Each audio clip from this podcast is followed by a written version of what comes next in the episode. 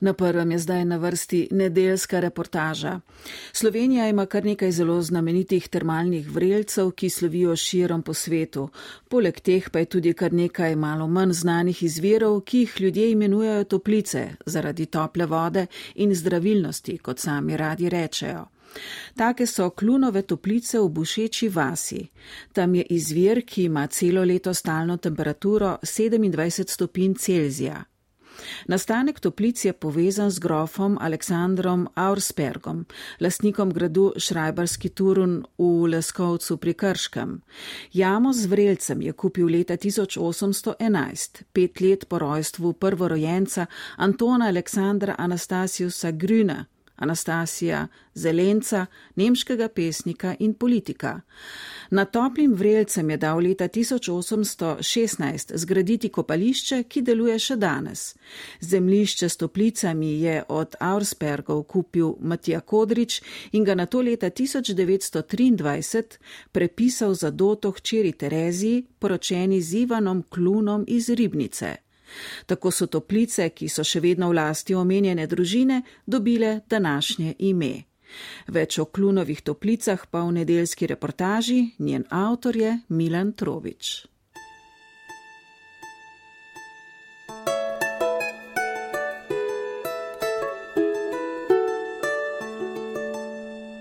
Najprej smo poiskali geološke podatke o klunovih toplicah. Te ležijo ob čateški prelomni coni, ki je široka dobra 2 km in kjer sta dolomit in apnenec zelo razpokana. Zato se tu pojavljajo izviri in toplice vse od Dobove do Čateža na vzhod, do nekje Kostanjevice na Krki, kjer poznamo tako naravne termalne izvire kot vrtine. Na sredi tega območja pa so tudi klunove toplice kakšna pa je značilnost teh toplic, smo povprašali dr. Nino Erman, vodjo oddelka za podzemne vode in hidrogeologijo na Geološkem zavodu Slovenije. Klunove toplice so naravni izvir, imajo veliko količino termalne vode, ki naravno izteka, ki je ocenjena nekje na vsaj 10 litrov na sekundo, kar je kar nekaj, res, kot veste, so lahko zaradi tega tudi zgradili nad tem bazen. Poleg tega glavnega izvira pa se v bližini ob strugi reke Krke pojavlja še nekaj manjših izvirov, tako da v bistvu gre tukaj za izvirno območje v dolžini nekaj deset do nekaj sto metrov, kjer skozi razpokane apnence in dolomite lahko termalna voda iz približno globine enega do dveh kilometrov izteka na površje in se zato ne ohladi. Tako da ta voda nima posebne kemijske sestave v smislu, da to ni mineralizirana voda, To je v bistvu samo ogreta podzemna voda, kot jo najdemo v okolici. Lajično gledano, ko govorimo o toplicah, vedno pomislimo na to, da je vzrok za toploto kakšna globja dejavnost, se pravi vezanost na kakšno magmo ali kaj podobnega. V tem primeru, oziroma na območju večine Slovenije, razen območja panonskega bazena na severovzhodu, temu ni tako. Torej, tukaj je dovolj, da imamo kamnine, ki so razpokane v večje globine, večje globine pomeni, da je dovolj kilometr ali dva. In ko hladna padavinska voda potuje v te globine, ima čas, da se ogreje, potuje nekaj sto do nekaj tisoč let, potem pa skozi razpoke ali kanale lahko dovolj hitro izteče na površje, da se ne ohladi. Torej, te količine je kar nekaj, kot sem omenila, 10 litrov na sekundo ali zelo verjetno, ker so to večje cone, pa vseh istokov sploh ne zaznamo, nekaj 10 litrov na sekundo. In ker to stalno teče, stalno cirkulira, v bistvu se območje ne ohladi in lahko ostane termalni izvir.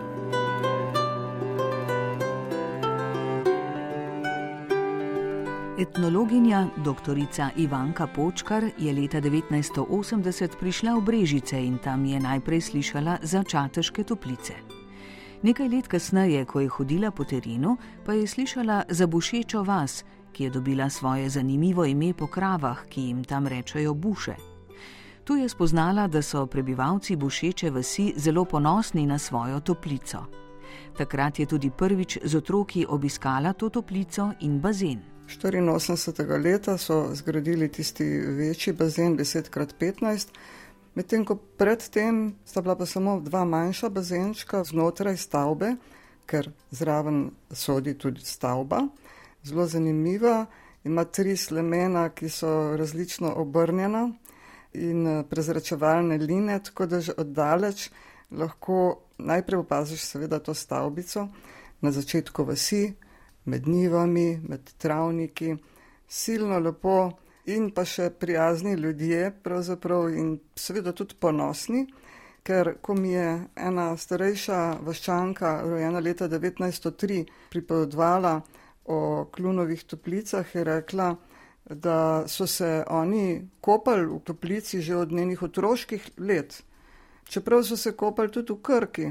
Namreč ljudje tukaj smo bogati z um, rekami, s kopališči, kopališče je bilo več, tudi ob Krki. Tisti, ki so imeli pa bliže toplico, klunovo toplico, so šli pa raje tja, ker je voda topla, ima stalno 27 stopinj. In zanimivost je tudi to, da ta njihov ponos je rekla, gospa tretjega leta rojena, 119 let bi bila stara. Bošeča vas je zdaj najbolj nazvana vas, imamo toplico. No in tudi povedala je, da so se tudi iz drugih vasi hodili kopat, ko so mlatili, seveda po mlatenju si prašen in umazan od drobirja. Kopali so se pa seveda nekateri tudi v krki in kako so bili oblečeni, hlačah do kolena, moški do, pred drugo svetovno vojno, tam do leta 38, fantje tudi nagi ali pa v spodnjih gatah, deklice, ženske pa v firtohih. Firtohih ali pa v kombinejih, so rekle. In seveda brez hlač, ja. Hlače so postile na kopnem, da so se potem lahko oblekle ne? v suho. In ko so šle v vodo, v klunovih ali pa v krki, so rekle, smo bile kot baloni, moški so bili pa iz črnega klota, v kopalkah oblečeni. Vem, da je celo moj oče, ki je rojen 13. leta, kamorkoli smo hodili, je imel sprva sploh še kopalkne, potem jih imel iz črnega klota, ko mu je mama sešila, ki je bila šivilja. In tukaj ni bilo nič drugače. Deklice in ženske so seveda vedno plavale ali pa so se namakale oblečene, ker so rekle, gospe, stare, prej je bilo vse drugače, bila bolj sramota, danes je pa ni, so pojamrale. In še dodale, sramota je plot koščen, preko se ne more, je lepo, če ima punca kako sramoto. In še to, ne, če so se dekleta ali pa ženske kopale, so se razbežale, ko so prišli fantje. Če pomislimo na danes, ne, je to vse drugače.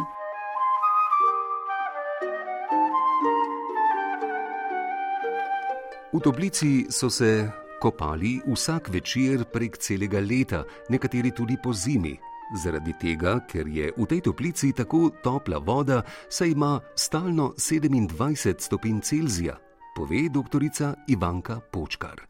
Posebne so tudi zato, ker so zdravilne, no se marsikatere toplice so zdravilne. Poleg teh klunovih so še stare toplice, kjer so menda ene ribice, ki ti pogrizajo vse odmrle celice. Tiste toplice so pa zelo plitve, lahko samo ležiš v njih ali pa se mečkano namakaš. Večina se je pa le kopala, namakala in zaplavala tudi lahko v teh klunovih toplicah. Zanimivo je, da se niso razvile v neki večji turistični kompleks, ampak da je vse ostalo tako znotraj te družine, da je vse ostalo nekako preprosto. Ponujali so lastniku nič koliko krat, da bi jih prodal pa se je trdno uprl in nikoli jih ni želel prodati, ker je želel, da to ostane tako, kot je, med nivami, brez žičnih ograd, z dostopom ljudem, ker tja so se lahko hodili brezplačno kopati prebivalci, pa tudi prišleki od blizu in daleč, ne? zato smo tudi mi z našo družino hodili tja. Ni zaračunaval tega kopanja, pač pa so bili dobrodošli prostovoljni prispevki. Gospa Roza je sedela tam, se še spomnim, na stolu ob kozovcu Toplerju, med vhodom in kozovcem, na takem starem lesenem stolu. Ves čas je sedela tam, seveda si šel tja in si kakšen drobiž dal, da si smel tam biti. Poiskal si si svoj kotiček na travniku, ker vse naokrog je travnik, v zadju za Toplerjem na katerem danes piše spa in pred njim raste ena eksotična rastlina za tem toplarjem, so pa še vedno nive s koruzo, no, kar umešča te toplice in jim daje sloves, da so na podeželju ne, oziroma na kmetih, na vasi, kot raj rečem, na vasi, ker to je še vedno vas, bošeča vas. Tako da so se ohranile do danes v tej obliki, skoraj v tej obliki, kot so nekoč bile. Stavbica je itak zaščitena, je upisana v registr kulturne dediščine in eh, se je ohranila takšna, kot je.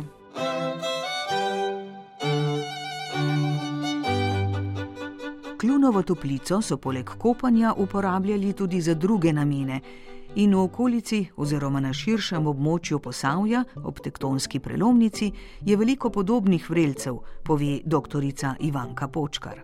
Tako da je gospodinja iz eh, klunovih toplic tudi prala perilo in pa ne samo ona, tudi druge ženske so hodile tja prat perilo, ne? kakšen luksus v topli vodi prat, kar niso imele marsikatere gospodinje, ker so hodile prat v Krko in v Savo, Te, ki so bile pa bliže ali pa so prinesle perilo, so pa lahko v topli vodi prale in sicer v spodnjem bazenu. Ne. Te toplice so pretočne, iztekajo se v krko in v spodnjem bazenu ta je bil namenjen pranju perila. Poleg tega jih je lastnik klon uporabljal tudi zaradi toplote za vzgojo sadja in zelenjave. No, o pranju perila v raznih toplicah je pa tudi zanimiv podatek iz vasi dvorce pri Čatežu.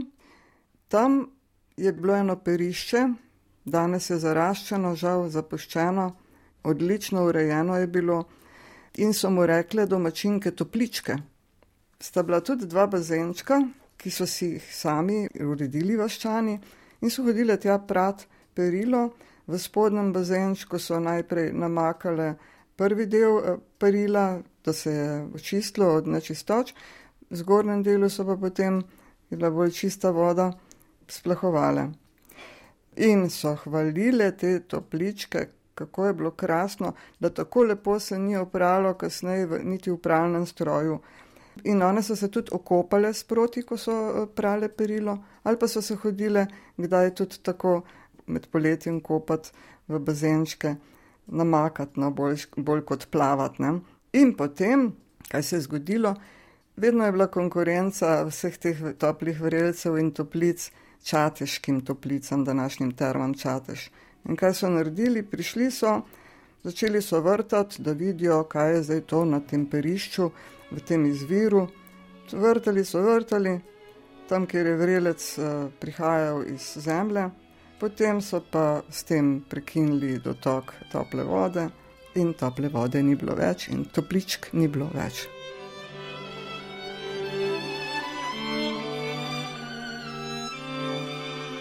Zelo podobno izročilo o tem, kako po prihodu raziskovalcev, ki izvrtajo vrtine v bližini izvirov in na to ti presahnejo, lahko slišimo na različnih koncih Slovenije.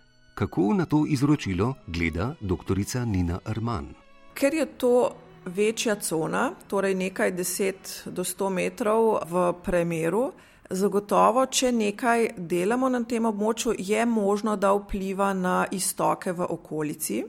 In so bili primeri, poznamo recimo Šmarješke toplice, ko so raziskovali za termalno vodo, če so na določenem območju zvrtali vrtine, dovolj je bilo 20-30 metrov, je izver presahnil ampak takoj, ko vrtine niso uporabljali, se je izvir obnovil.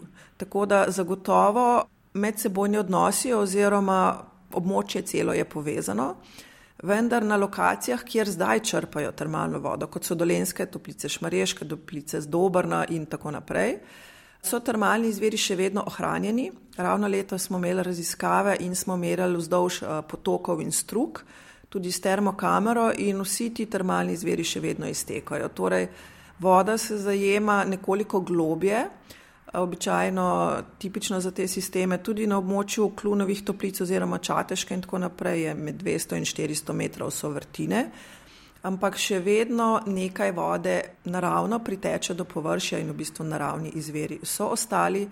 Tako da mogoče je bilo to res med testiranjem vrtin, zagotovo pa, če se tam zdravilišče ni razvilo oziroma če še danes deluje, so se morali tudi izveri obnoviti. Zanimivo je, da recimo pri toplicah vedno uporabljamo termin, da so to zdravilne vode, da so to zdravilne toplice. Tudi v izročilu je tega veliko, pa tudi sami prebivalci tako ocenjujejo toplice. Ja, z zdravilnostjo voda se ukvarjajo balneologi, to so pač zdravniki, ki se prav posvečajo temu, kateri parametri in sestava vode lahko vpliva blagodejno na naše telo. Kar pa geologi vidimo, je pa, da pogosto termalne vode imajo zelo stalno sestavo. So neodvisne od padavinskih dogodkov, torej voda ostane čista. In ker je to območje, kjer voda stalno izteka, pojavi oziroma naše aktivnosti na površini, onesnaževanja, gnojenja ali karkoli drugega, ne vplivajo na kvaliteto te vode, ker izhaja, kot sem že prej omenila, iz kilometra dveh globin in je tako stara, da ostane neonesnažena. Poleg tega je topla voda, kar seveda nam ugodno deluje na telo. Tako da kemijsko večina termalnih voda v Sloveniji, ki so vezane na apnence dolomite, nimajo posebne kemijske sestave, da bi lahko rekli, da so zaradi tega kaj drugačne od podzemne vode v okolici, ki jo recimo pijemo. So pa tople in imajo izredno stalno sestavo in zaradi tega, če so bili drugi veri kdaj onesnaženi, so te pač ostale dovolj kvalitetne, da so jih v bistvu v izročilu verjetno poimenovali kot zdravilne, kar zagotovo so bile ustrezne kakovosti.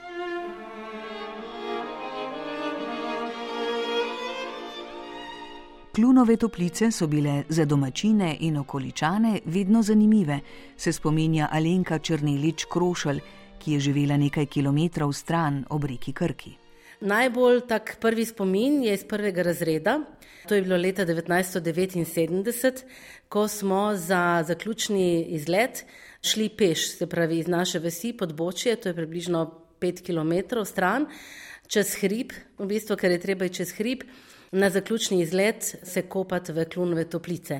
Kopali smo se še v tistem prvem bazenu, se pravi bazen v stavbi, ki so zgradili še Auerspergi v 19. stoletju, oziroma ta slavni Anastazi Zelenec.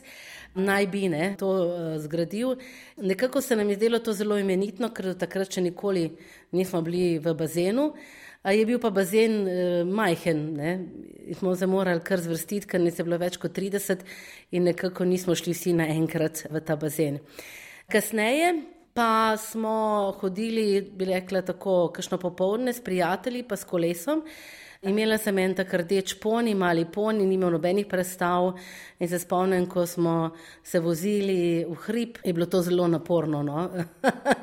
Vedno je bilo eno stran naporno, ker je treba prečkati en večji hrib, ampak je bila tudi ta želja velika, takrat je bil pa potem že bazen, ta zunani bazen zgrajen in je ta lasnica, gospa Roza, vedno sedela na stolu, nekje čisto blizu, ker je pričakovala, da seveda damo tudi en prostovoljni prispevek za to uporabo bazena. Mi pa kot otroci, ne, včasih smo imeli ta denar, včasih ga nismo imeli, tako da je prav neki takih zanimivih prigodb, ker nas je opozorila na to, ne, je točno vedela, kdo je kaj prispeval, pa čeprav nas je bilo recimo lahko v bazenu takrat, kaj s vem, 50 ali pa 60 otrok, je imela ta zanimiv pregled na celotno situacijo in smo se je krbali, ne, tako kot se otroci kakšnih takih bolj odločnih oseb bojijo. Je pa to bilo recimo taka ena posebnost, da smo šli na ta bazen, ker seveda smo imeli zelo blizu tudi reko Krko in smo lahko izbirali, ne, ali gremo v Krko ali gremo na bazen. Ampak je bil ta bazen pač neka poslastica, bi lahko rekli. Ne. Potem pa, ko sem bila že študentka, je pa tudi ena zanimiva zgodba, ker smo um, imeli en tabor arheološki s profesorjem Guštinom na Starem gradu, to je bila ena zelo pomembna trdnjava in je bil mednarodni tabor in to je bilo v začetku 90-ih let, ko je bila izjemna suša. In pri nas je bilo tako, da so bile velike redukcije vode. Se pravi, da približno eno uro na dan smo imeli vodovod, mislim, oziroma je bila voda iz pipe in takrat so si ljudje um, natočili vodo, recimo predvsem za živino, ker ne, je to vas, pa za kuhanje, pa recimo za zelo osnovno umivanje. In se res nismo to širili, to je bilo eno dve poletje take hude suše. In eh, ko smo prihajali iz teh izkopavanj, ker ko so pa izkopavanje, je to zelo prašno, ne? na soncu smo bili, smo se šli tudi ponavadi umiti v klunove. To je mogoče z današnjega vidika ne? zelo hecno in čudno. Ampak sej se nismo umivali v tem bazenu, ampak ta sistem čiščenja vode bazenske je bil tak, da je bilo povezano z izvirom in v bistvu so nekako tako naredili, so tehnično ne znam povedati, da je voda vse čas krožila in na koncu bazena je bil tako kot en slab, ker je pač voda šla ven nekje druge pa noter in pod tistim slapom smo se mi umili. In jaz se spomnim, kako je bilo to recimo za študente, bila sta iz Belgije dva, italijani so bili, Nemci, ena Avstrika tudi, kako jim je bilo to tako čudno, ne? ker se pač ni bilo dovoljeno umivati doma. Vse smo imeli, živeli so po hišah, vsi so imeli že kopalnice, tuše, ampak vode pa pač ni bilo in smo se umivali tudi v klonovih toplicah.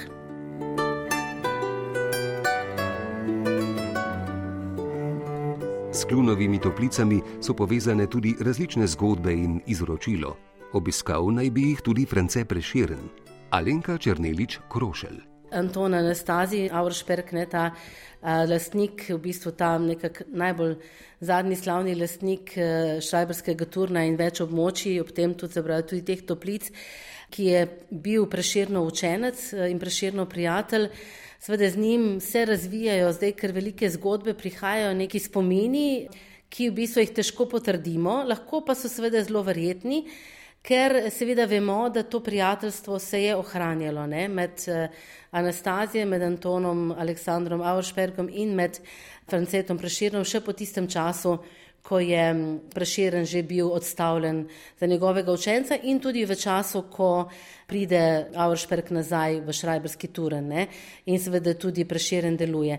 Vemo, da so se družili na Šrajberskem turnu, obstaja to pismo, z katerega razberemo, da je pač Preširen pil vino iz njihove kleti, tako da iz tega izhaja seveda tudi ta možnost, da se je tudi kopal v teh toplicah. Kako zdaj to ugotoviti, ali se je res ali ne?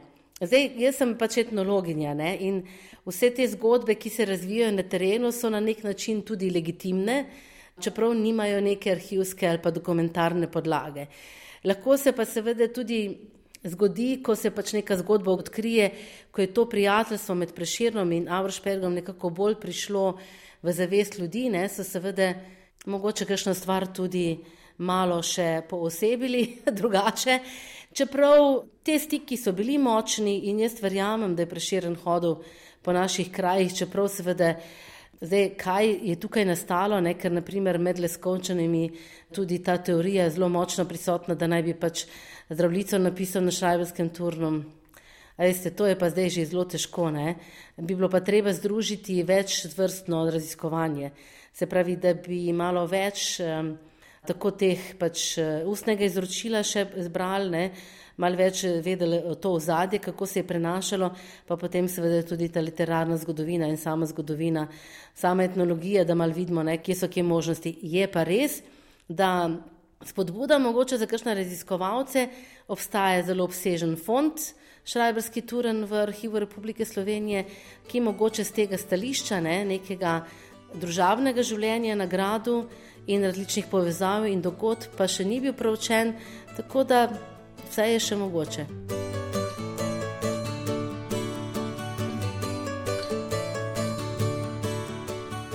Danes so klunove toplice še vedno v zasebni lasti potomcev klunove rodbine. Njihov lastnik je Milan Lekič, ki je tako že četrta generacija lastnikov. Toplice so v Bošeči vasi. Imamo stalni pritok 27 stopinj vode čez celo leto. In imamo tudi, eh, kako te rečem, dosta ljudi prihaja, tudi po zimi na plavanje. Znamenita je bila vaša babica Roza, ja. ki je bila tu pri teh toplicah. Mnogi se jo spominjajo, pa tudi kar nekaj je zapisano o njej. Kako se je vi spominjate? Ja, kako se je spominjam, super, stara mama bila, super. Mi jo pogrešamo, kaj je ni. Veliko nam je usmerila za življenje in tudi to vodo, tole tukaj je spoštovala in to je vse prenesla na nas. Ne. Bom je kdaj povedala, kaj je o teh toplicah? Dosti je teh zgodbic. Katera bo mi najbolj v spominu ostala? Pa to, da so včasih krmo za živali, ko so imeli v vasi, vsi so pobirali, nakladali, potem so pa se prišli vedno skopatle in je enkrat eden z biciklom se spustil pod uh, poklancu dol, je bil pa bazen na pol poln, ker smo ga čistili, pa ni več gledal, je kar skočil v tak prazen bazen. Tisto mi je ostalo, hvala Bogu, da mu nič se ni zgodilo. Ne. So pa vaše toplice bolj tako naravne, zraven so polja. So čisto naravne in prijetne, malo teže začistiti, ampak gledajte, se potrudimo, smo zdaj že. Smo čisto noter, vemo, kako moramo. Ne. Pač je malo teže začistiti, ampak je pa res naravno in trudimo se obdržati to čim bolj naravno. No. To se res trudimo. Odkje prihajajo vse ljudje? Iz cele Slovenije, evo. ljudje, zdaj ko je ta internet, pogledajo pa dosti pride. Pogledati, kaj jim je zanimivo. No. Zaradi tega, menda, ker je naravno. Zato se tudi trudimo obdržati, da tako ostane in da živi naprej. Ne.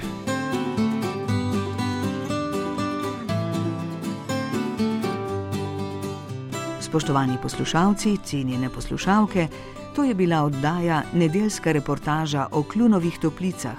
Avtor oddaje je Milan Trobič, glasbeni izbor Rudi Pančur, tonska izvedba Franci Modar, brala sva Igor Belše in Eva Longika Marušič.